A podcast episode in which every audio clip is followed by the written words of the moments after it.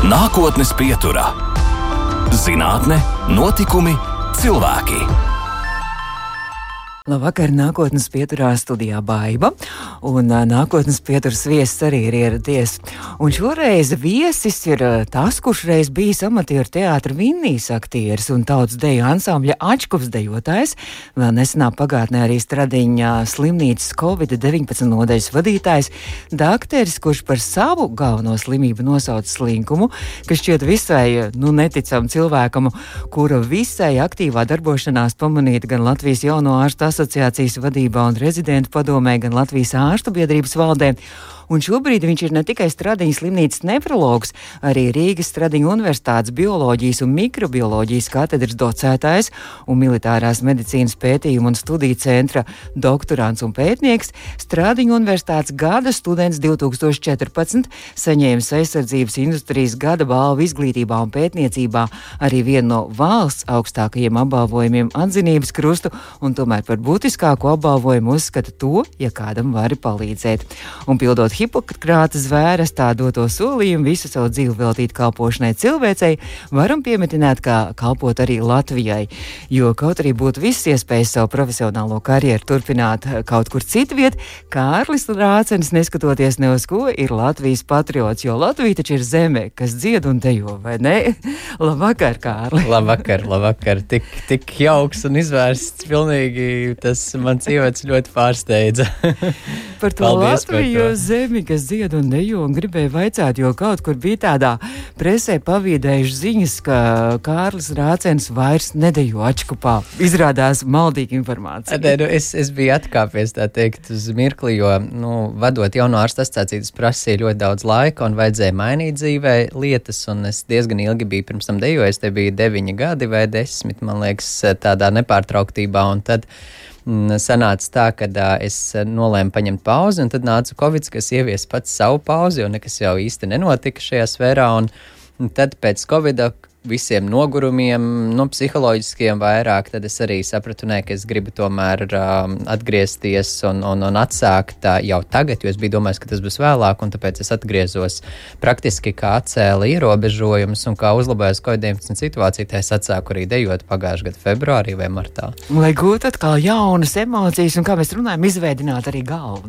Nu, jā, jā, jā, jo skaidrs, ka tā dejošana tā, nu, tā ir aktīva mm, darbība, un kas tevī. Mm, tev dod ļoti daudz ko. Viena lieta ir skaidrs tās fiziskās aktivitātes, kas ir no, no veselības aspekta. Nu, dejotājiem ļoti. Jā, un, bet tā pašā laikā tu uh, gūsti baudu no tā, ka tu aizmirsti par lietām, kuras tev ikdienā ir jādara. Tu redzi citus cilvēkus, tur ir pavisam citas uh, diskusijas.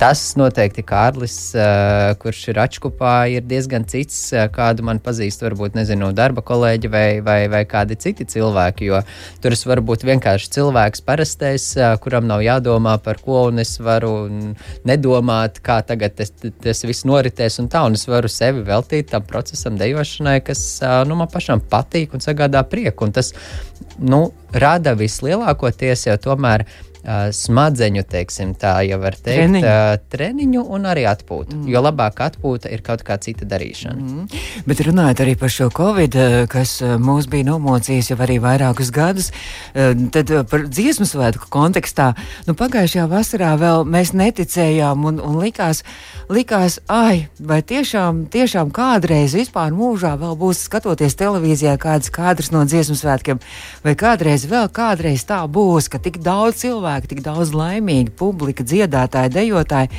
Un tomēr ir noticis ne, nu, neticamais. Jā, nu, ir, ir bijis tā, kā mēs sākotnēji arī prognozējām, ka būs daži gadi, kur mums būs šī pandēmija, kur mēs cīnīsimies, un vēl joprojām viņa jau tomēr kaut kur ir, bet mēs esam iemācījušies ar to sadzīvot un plus mīnus tikt galā, un, un, un šobrīd arī, protams, ka tie vīrusi cēlumi mainās, un, un daži ir tā teikt indīgāki, daži mazāk, un tas nav tipiski, ka pēc viena ļoti bīstama nāk uzreiz cits bīstams. No, nu, tā kā tā cerība ir, un es domāju, ka tāds tas arī notiks, un mēs spēsim atgriezties normālā dzīvē un pieņemt to Covid-19 kā citus vīrusus, kas sākotnēji bija jaunais nezināmais, tad tagad ir tāds, nu, skaidrs, tu esi ienācis mūsu dzīvē, labi, respektēsim tevi, bet mēs zinām, kā ar tevi tikt galā, līdzīgi kā mēs to zinām īstenībā ar gripu. Protams, tas nenozīmē, ka tas, nu, nemazina to būtību, tās slimības, bet jebkurā gadījumā mm, tas vairs nav mums tāds sarkanais karoks. Es drīzāk domāju, ka šobrīd cilvēkiem Un par Covid-19 arī man tā skaitā, man vienkārši negribās vairs neko mm. dzirdēt. Tāpēc, nodaļa ir, arī slēgta. Jā, uh, nodaļa jau sen ir slēgta, mm -hmm. un, un, un par tādas nodaļas atvēršanu es negribētu pat domāt, ka mēs kaut kur tur atgriežamies. Un, un, un tā, tā tas ir jau tāds, nu, tik ļoti jau, jau psiholoģiski traumējoši. Jo viņš, protams, tas, tā visa situācija, arī, kuru tieši medicīnas personāls un arī man pašam bija jābūt, nu, mēs bijām uz tādas kā skatuves tajā laikā, un tas psiholoģiski mm. īstenībā vienā brīdī tev kārtīgi izdedzina. Jo beigās sanāca tā, ka man nāk cilvēki arī uz ielas klāt. Un, pārmet par kaut kādām lietām, par kaut kādiem ierobežojumiem, bet jāsaprot jau tas, ka mēs jau viņus neizdomājam. Mēs vienkārši caur savu prizmu, caur savu medicīnas skatījumu par to, kādas ir vīrusu slimības, mācoties un zinot un sekot līdz tām tendencēm, nu, sakam to dzīves realitāti, kāda tā būs no mūsu skatījuma. Nu, es, bet es ceru, ka, ka, ka doktori un mediķi tajā laikā saņēma arī ļoti daudz, nu, man tā vismaz liekas, tā iekšējā sajūta daudz arī pateicību, jā, un arī, jo mēs jā. tik ļoti novērtējām. Un, nu, tik, tik, tik tas. daudz bija, daudz noteikti pozitīvo. Un, un man liekas, ka viena no emocionālākajiem momentiem bija Ziemassvētkos, kad mēs tur nu, reāli strādājām 24, 7, un tur bija nodaļā 4, 5, 6 cilvēki, kas palika tur pa nakti. Un tad um, mums atveda uh, no, no Tukuma skolas, vienas vidusskolas dāvanas, tur, kur bija zīmējumi tā skaitā, un tad zeķis un tā tālāk. Man nāk arī uz polikliniku pacienti, un man atnes viena paciente, mammas nodīts zeķis, kuras mammai ir 94 gadi.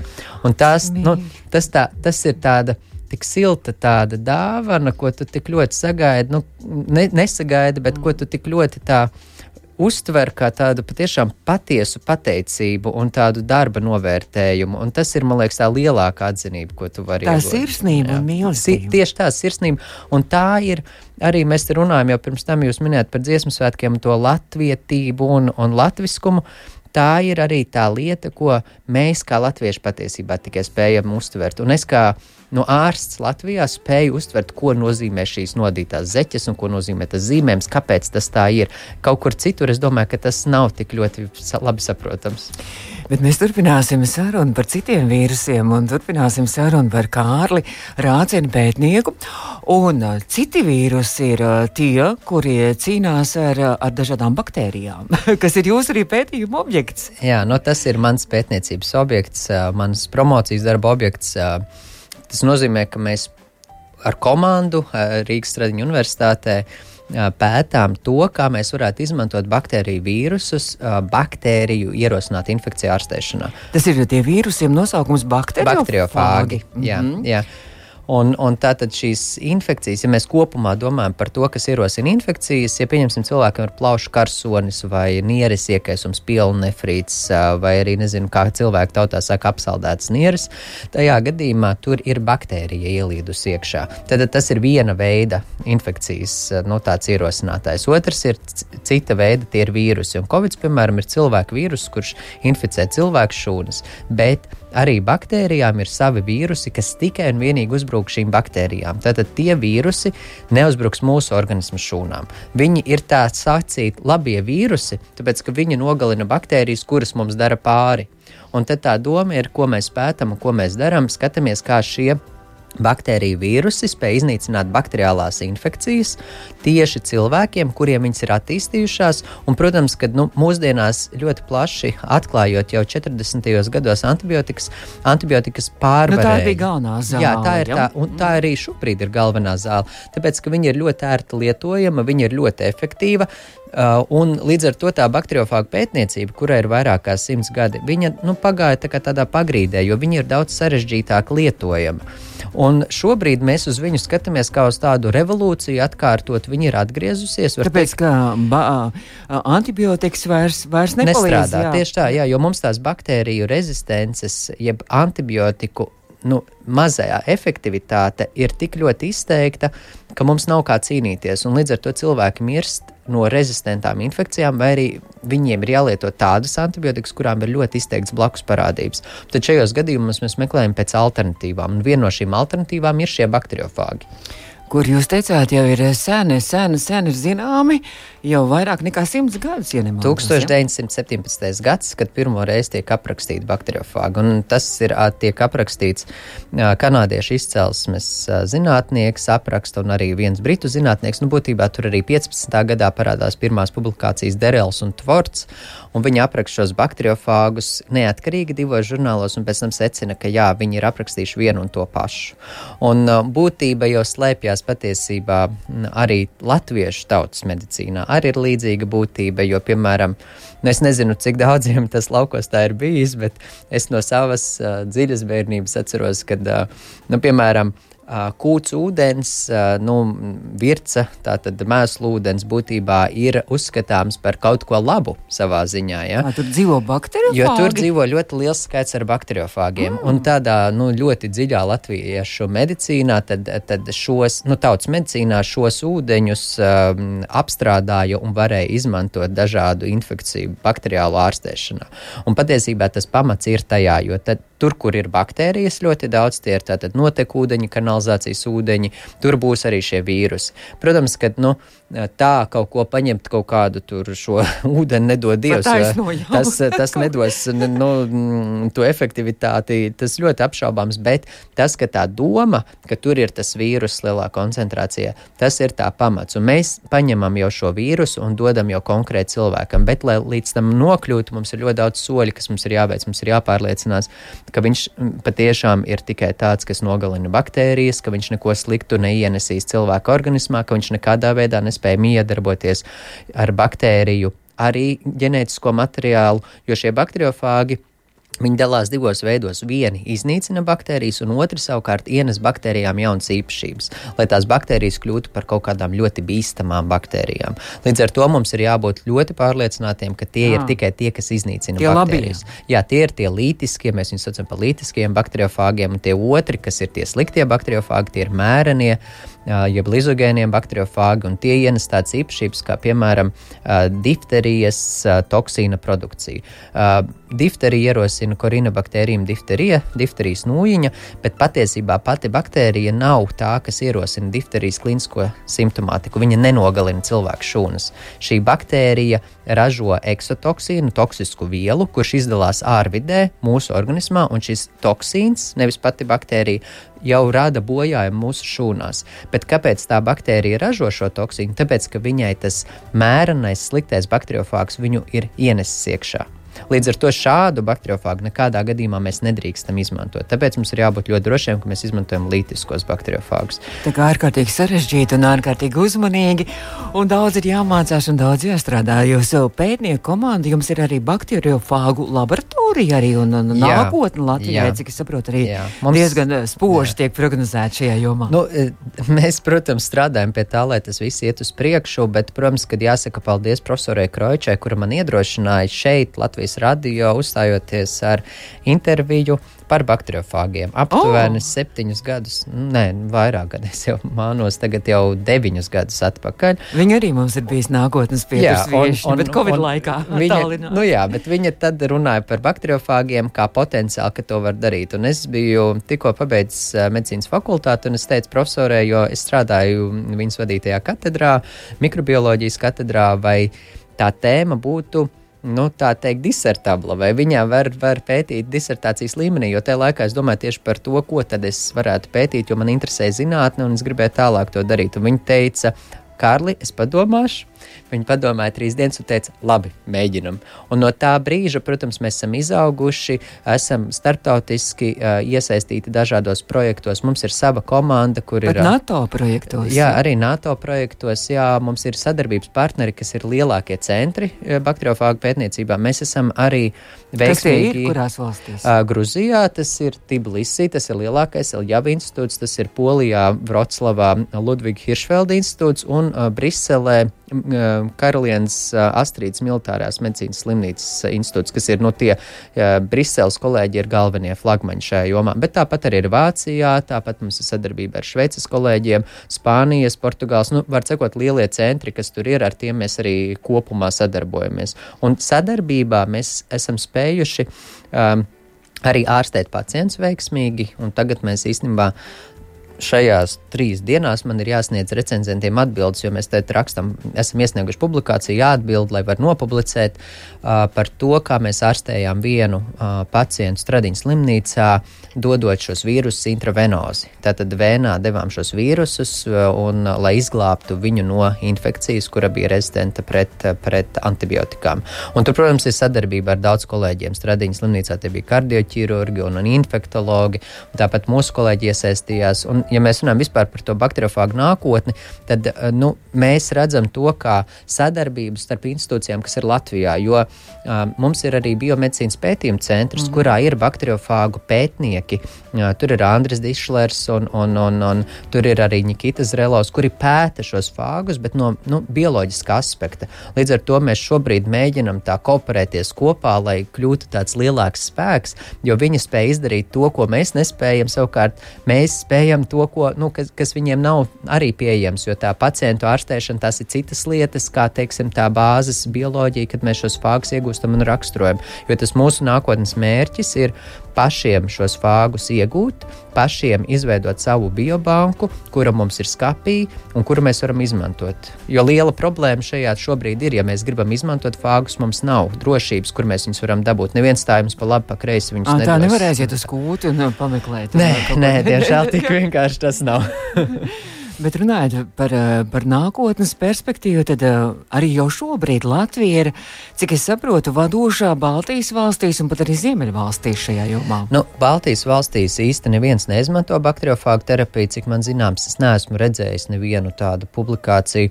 Un Ziemeļvalstīs arī tā bakteriofāga terapija nav plaši pielietota. Viens ir Ziemeļvalsts centrs, tas ir Helsinkos, kur viņi strādā, bet viņi strādā mazliet citā aspektā. Viņi strādā diagnostikā ar perspektīvu, ka to varētu darīt. Bet tieši, tieši tādā veidā, kā nu, ārstēt šos pacientus, jo, piemēram, mēs esam otrais centrs pasaulē, kurš iedeva bakteriofāgas intravenozu konkrētai baktērijai, konkrētas infekcijas gadījumā ar pozitīvu rezultātu, kas tātad publicēs šo gadījumu kā otrie. Savukārt iepriekšējā gadījumā tas bija kaula um, smags bojājums jaunam puisim, 19 gadīgam. Nu, tad tas arī ir viens no desmit gadījumiem pasaulē. Līdz ar to tie gadījumi nav tik daudz, un tas prasa diezgan lielu gan zinātnisko, gan arī pašu ieguldījumu, brīvā laika ieguldījumu, lai mēs kaut ko tādu vispār varētu īstenot. Bet, nu, mēs lēnām esam izauguši un izskatās, ka mēs beidzot esam nostājušies uz divām kājām un lēnām slienamies augšā, lai mēs varētu tā droši teikt, ka jā, mēs esam gatavi uzņemt vairāk un vairāk tās, tās atbildības, lai ārstētu pacientus. Fantastiski, jo, jo bakteriofāgiem es saprotu, tā ir nākotne, jo zinot, cik daudz ir uh, runas par šo antibakteriālo rezistenci un uh, par šīm antibiotikām, kuras uh, iesaka ar vien mazāk lietot un kuras nepalīdz. Ka, un arī lētāk ir arī laikam bakteriofāgi. Nu, jā, jā, ja mums ir pieejams šīs bankas, tad tas ir lētāk, jo redzat, tas ir dzīves, dzīves uh, vīrus, dzīva būtne. Par to patentu jūs nevarat iegūt. Tas nozīmē, ka par viņu neviens īsti nesaņem naudu par to, ka mēs viņu tur ražojam un kaut kādā veidā pavairojam. Jo to nevar, nu, kā jau minēju, patentēt. Tāpēc arī tas beigu beigās ir lēti tajā brīdī, kad viņu sāk izmantot arvien plašāk. Tas sākotnējais process, kad mēs šos vīrusus iegūstam un, un, un raksturojumu un tā tālāk. Tas, protams, ir uh, ietilpīgs, finansiāli mm. ietilpīgs process. Bet tajā brīdī, kad tas jau ir aizgājis, kad mums jau ir leduskapis, uh, kā mums ir daži fāgi stāv tā leduskapī, mēs viņu varam atvērt vaļā, paņemt un notestēt un teikt, jā, der un uzreiz dot pacientam, tad tajā brīdī tas kļūst uh, salīdzinoši lēti. Ja mēs salīdzinām pret antibiotikām, jo, mm. piemēram, tādas pēdējā līmeņa jaunākās antibiotikas kurs nu, izmaksā 20, 30 līdz 50 tūkstošiem. Līdz ar to tās izmaksas ir ļoti, ļoti lielas. Un tās ir antibiotikas, kuras patiešām mēs izmantojam kā pašu, pašu pēdējo momentu.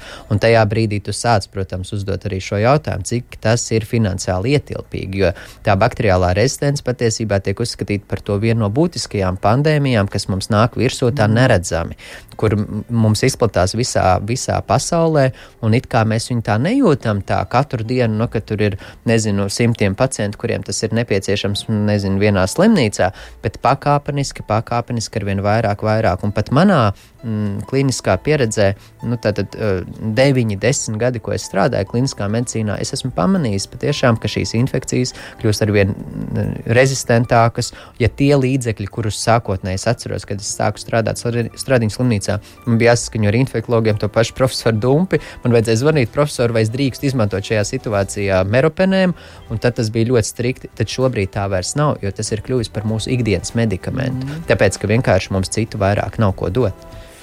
Mēs turpināsim mūsu sarunu pēc brīža. Dakteris, mediķis, pētnieks Kārlis Rācenis šobrīd ir mūsu studijā. Nākotnes pieturā. Un turpinām nākotnes pieturu šo rādījumu. Pēc tam varat noklausīties arī mūsu mājaslapā audio sēti un arī lielākajās podkāstu vietnēs. Un šodien pie mums studijā ir Stradīņas slimnīcas nefrologs, arī Rīgas Stradīņa universitātes bioloģijas un mikrobioloģijas katedras docētājs un militārās medicīnas pētījumu un studiju centra doktorāns un pētnieks Kārlis Rācenis. Kārli par to militārās medicīnas pētījumu centru. Tas ir kaut kāds speciāli tieši domāts militārām kara vajadzībām arī arī šis pētījuma centrs? Nu, šis pētījuma centrs ir izveidots Rīgas Stradiņu universitātē, jo būtībā mums uh, Latvijā nav medicīnas pētījuma centrs militārai medicīnai. Un, ja mēs skatāmies vispār pasaulē, tad skaidrs, ka šādas institūcijas ir. Un, un tas centrs ir devis uh, savu ļoti lielu ārtavu tajā, ka mums ir šie NATO projekti. Un viņu vada Ainārs Stepens, kurš ļoti aktīvi mūs visus tur koordinē. Un būtībā es tur nokļuvu tāpēc, ka um, arī bija šis um, projekts, kur NATO ietvarā skatījās, kā fāgus varētu izmantot militārā medicīnā, jo viņi īstenībā fāgu terapija nāk arī no militārās medicīnas jau otrā pasaules kara laikā, piemēram, uh, Ukrainā tika viena mēneša laikā izveidots fāgu tāds neliels centrs, kur ražoja fāgus, lai dotu kareiviem. Tāpat arī Krievijas, Somijas kara laikā tas tāpat tās notika. Un tie rezultāti, nu, protams, tas, tie, tie pētījumi ļoti tādi šķidri, ja tā var teikt, viņi neatbilst mūsdienu standartiem, bet efektivitāti viņi pierādīja, ka tur samazinājās amputācijas pēc infekcijām un tā tālāk. Un līdz ar to NATO kaut kur tas fonā bija Un viņi vienmēr, nu, militārā medicīna ir tas, kas pavelk uz priekšu kaut kādas tādas trakas idejas reizēm. Un tāpat arī šie Beļģijas kolēģi, viņi ar šo, caur šo militāro medicīnu iekļuvu šajā visā, jo viņi strādā, nu, militārajā uh, slimnīcā, kur ir attīstījuši šo lielo fāgu terapijas uh, gan laboratoriju, gan arī tādu savu vienību. Un, uh, Tad, ja mēs spējam iekļūt tāda veida projektā, tad ir mums viens pārstāvis pētnieks no Latvijas, kuru tad koordinē šīs militārās medicīnas centrs, un mēs spējam jau būt pilntiesīgi tās grupas locekļi. Mums veidojas sadarbība, mēs domājam par projektiem, mēs varam daudz vieglāk tikt klāt. Patiesībā jāsaka tā, ka ja man nebūtu šīs pieredzes šajā militārā medicīnas pētījuma centrā un šo kontaktu arī būtu ļoti grūti, būtu ļoti, ļoti grūti uh, reāli ārstēt pacientus, tāpēc, ka tu daudzas nianses nezini, jo tur, kad es ierodos uz tikšanos, nu, tu ir pasaules līmeņa grandi, ja tā var teikt, tajā jomā, un tu sēdi viņiem blakus, un tu esi kā jau, nu, NATO dalībvalsts līdzvērtīgs dalībnieks. Mm. Protams, nu, ka es tur nesprāgāju tā teikt, bet, protams, ka padomu palīdz, un, un, un, un, un, un tās attiecības ir ļoti labas, un no tā mēs esam lieli ieguvēji. Bet kādreiz nākotnē es arī, nu, tas, laikam, tas būs ļoti muļķīgs jautājums, bet tos fāgus arī var tā kā tabletēs kādreiz arī uh, nu, varēs arī nopirkt aptiekā? Es, es domāju, ka viņi nebūs tablešu veidā, bet suspensiju veidā, šķidrā veidā, un viņus, piemēram, Gruzijā un Krievijā var nopirkt. Jo oh. tur ir no Padomju Savienībās ar citu šo faktorapiju izmantoja, un arī Padomju Latvijā izmantoja. Bet tikai jautājums, cik tas bija efektīvi, jo tur ir jāzina ļoti precīzi daudz nianses, kuras, nu, tur ir diezgan apšaubāmas šai terapijai, kas ir bijusi iepriekš, un mm tāpēc arī viņa savā ziņā ir nomirusi. Bet tā pašā Padomju armijā viņus izmantoja Gruzijā, Tbilisī ražoja vairākas tonnas, līdz pat desmit tonnām bakteriofāgu suspensijas armijas vajadzībām. Un viņu lēja klāt karstajās zemēs, kur ir tātad karsts laiks, no uh, ūdeņa, ūdenim dzeramajam, un pēc tam dzēra uh, armijas. Mm. Tā kā profilaksē. Jā, jā, kā profilaksē, lai viņi nesaslimtu ar dažādām bakteriālām infekcijām, kas tie ir caur, nu, visbiežāk ierosināja tieši caurreiz. Un tad līdz ar to tad, tai, tajā armijā jau tas tā bija iegājies un, un, un, un palicis, un no turienes tas īstenībā arī nāk. Bet jūs joprojām esat arī ārsts, nefrologs Stradīgas slimnīcā, un tikko uz rādījumu skrējāt, arī gandrīz vai ar visiem korķiem nokavējāt arī tieši no Stradīgas slimnīcas. Jā. Arī, nu, nu, jāsaka, protams, ka, nu, ja mēs tā atejam malā, tad uh, mans pamata darbs, uh, maizīts darbs, teiksim, tā ir nefroloģija, un tā, tā ir mana otra sirds lieta, ko es uh, ikdienā daru klīniski, un tas man aizņem noteikti 70% uh, no manas ikdienas. Tā ir nefroloģija. Kas tie... ir nefroloģija mūsu klausītājiem, jo mēs paskaidrojam? Nefroloģija vienkārši... ir uh, mācība pētniecība un zinātne par nieru slimībām. Bet te ir jāatšķir atšķirības starp uroloģiskām slimībām, kuras ārstē urologi un kuras ārstē nefrologi. Nefrologi ārstē tādas slimības, ko īstenībā lielākoties mēs ar aci neredzam. Tās ir tādas klusi noritošas, nieres bojājošas slimības kuru gadījumā mums parasti parāda nespecifiski simptomi, ka kaut kas ar mierēm nav kārtībā. Piemēram, pēkšņi ir izteikti paaugstināts asinsspiediens, vai arī cilvēkam parādās tūskas. Nu, reizēm ir arī urīna krāsas izmaiņas, vai arī urīna izdales traucējumi, bet Nefrologs būs tas, kurš sapratīs, kas tajās nierēs, sīkākajās nieru struktūrās notiek un kā to vajag ārstēt. Lielākoties tā ārstēšana ir medikamentoza ar medikamentiem, atkarībā, protams, no tā cēloņa, kas to ierosina. Un arī ļoti liela ietekme ir tieši dzīvesveidam, kā mēs šīs slimības ārstējam. Ko nozīmē dzīvesveids, kā ir jādzīvo? Lai... Kā ir jādzīvo? Neiet pie lai, jums, lai nieres būtu vesels. Jā. jā. Nu, skaidrs, ka ir um, daudzi faktori, kas spēj ietekmēt nieru veselību. Viens no šiem faktoriem ir kāds ir mūsu kustību dzīvesveids, fiziskās aktivitātes. Tas noteikti ir ietekmē nieru veselību. Otrs ir, kā mēs ikdienā sekojam līdzi citām slimībām, kas spēj ietekmēt nieres. Vai mēs sekojam līdzi arteriālai hipertenzijai, paaugstinātam asinsspiedienam, vai tas tiek pietiekami ārstēts, vai mēs sekojam līdzi cukura līmenim, ja cilvēkam ir cukura diabetes. Šīs ir divas galvenās slimības - paaugstināts asinsspiediens un cukura diabetes, kuras rada nieru bojājumu. Un, ja viņas ir nepietiekami ārstētas, tad cilvēkam attīstās hroniska nieru slimība, kas jau ir tāda nu, nopietna kaita, kas rodās tieši no šiem cēloņiem. Tāpat tās medikamentu pārāk liela lietošana, pretsāpju, piemēram, medikamentu lietošana, tajā pašā laikā arī antibiotiķu spēja bojāt nieres, un tas var atstāt tādu neatgriezenisku bojājumu, ko cilvēki var arī nezināt. Piemēram, ibuprofēnu lietojot pārlieku daudz. Ko nozīmē var, pārlieku daudz?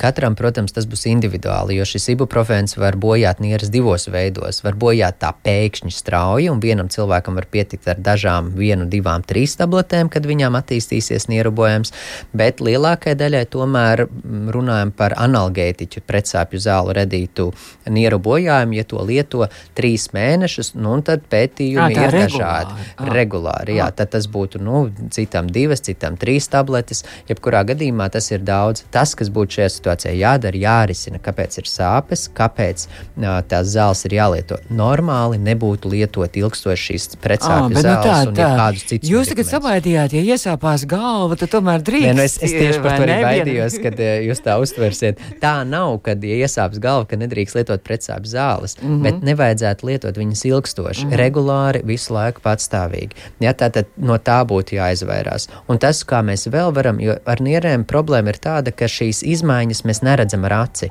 Viņas attīstās uh, klusi, un tad, kad uh, ir parādās tā kādi izteikti simptomi, jo cilvēka organisms vienā brīdī pasaka, nu viss vairāk es nevaru, un nierēm tas var būt, kad viņas strādā tikai 20, 15, 10%. Tas ir iedomājieties, cik daudz ir pazudis no tās nieru funkcijas. Tajā brīdī parādās izteikti simptomi, un, diemžēl, tad jau ir par vēlu. Līdz ar to ir ļoti svarīgs arī šis skrīnings, veselības izvērtēšanu vienreiz gadā paskatīties, kādi ir nieru rādītāji, kas ir urīna analīzē, un tāds specifisks rādītājs kā mikroalbuminūrija. Ja tas viss ir normā, tad ģimenes ārsts saka, ar jūsu nierēm viss ir kārtībā. Bet, ja nav, nu, tad ir jāiet pie nefrologa.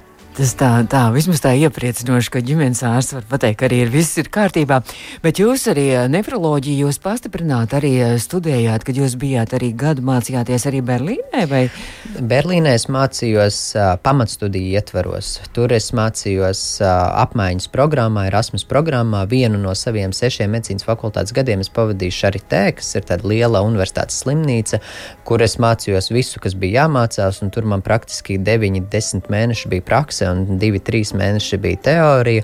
Tad ļoti praktiskas mācības, praktiski visos, visos veidos. Bet nefroloģiju vairāk es esmu stažējies Vīnē, es esmu bijis Vīnas Universitātes slimnīcā tieši nefroloģijas un arī tur nieru transplantācijas jautājumos no nefrologa aspekta, jo es biju pie profesora, kurš specializējas nieru transplantācijā. Un arī man ir bijusi iespēja braukt pie Uģa Gruntmaņa uz, uz Dallasu, kur es arī da, nu, daļu no tā laika Amerikā pavadīju mm, arī kopā ar nefrologiem. Viņš teica, nu, kas tev interesē no tās internās medicīnas? Saku, nu, es gribu būt nefrologs. Viņš saka, nu, labi, tad būs daļa pie nefrologiem. Kārlis Rāzēnis šobrīd ir nākotnes pieturas viesis. Nākotnes pieturā - zinātne, notikumi, cilvēki.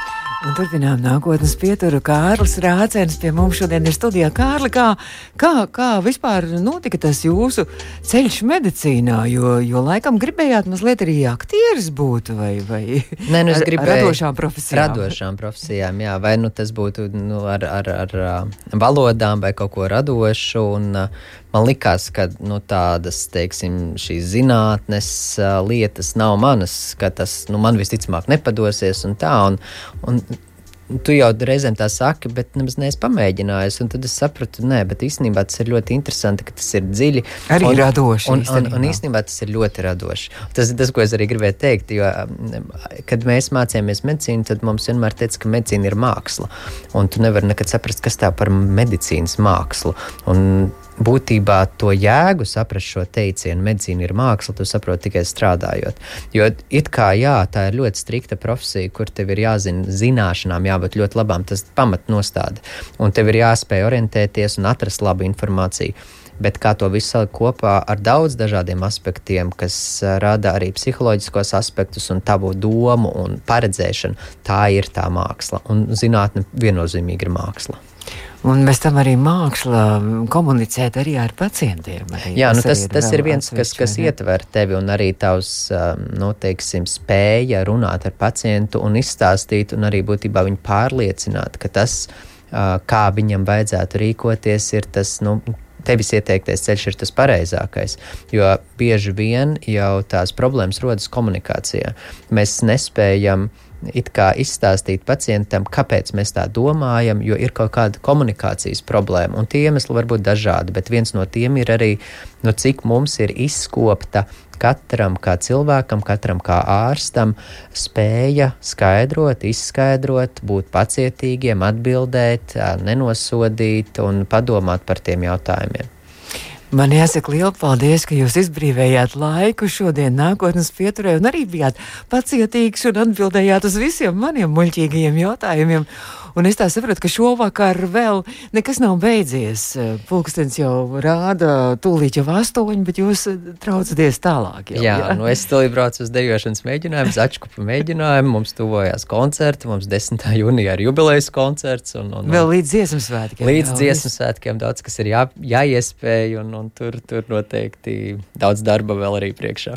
Nākošā nedēļa normāliem cilvēkiem ir svētku nedēļa, kad 1. maija svētki. Un, un 4. maija un baltā galdā, un jūs tā nopūtāties. Nē, nu tāpēc, ka man nākamā nedēļa ir ļoti daudz rakstu darbu jāizdara, ir jā, jā, jāsagatavo daudz. Man promocijas darbs tagad tiek tieši rakstīts, un tas ir jāraksta un tā, bet, protams, ka man būs laiks arī ar ģimeni, ar, ar savu sievu un, un, un dēlu, un, un tā kā būs arī kaut kāds brīvais brīdis, bet nu, tas nebūs brīvdienas nekādā gadījumā. Es saku paldies, ka jūs izbrīvījāt laiku šodien Latvijas Rādio 2 klausītājiem un nākotnes pieturai Kārlis Rācenis mūsu studijas viesis. Es novēlu mūsu klausītājiem satikties ar jums tikai kaut kur ēteros, televīzijā, dziesmu svētkos un, un nevis slimnīcā. Nu, tas ir laikam labākais novēlējums, jā. Izskan nākotnes pieturā.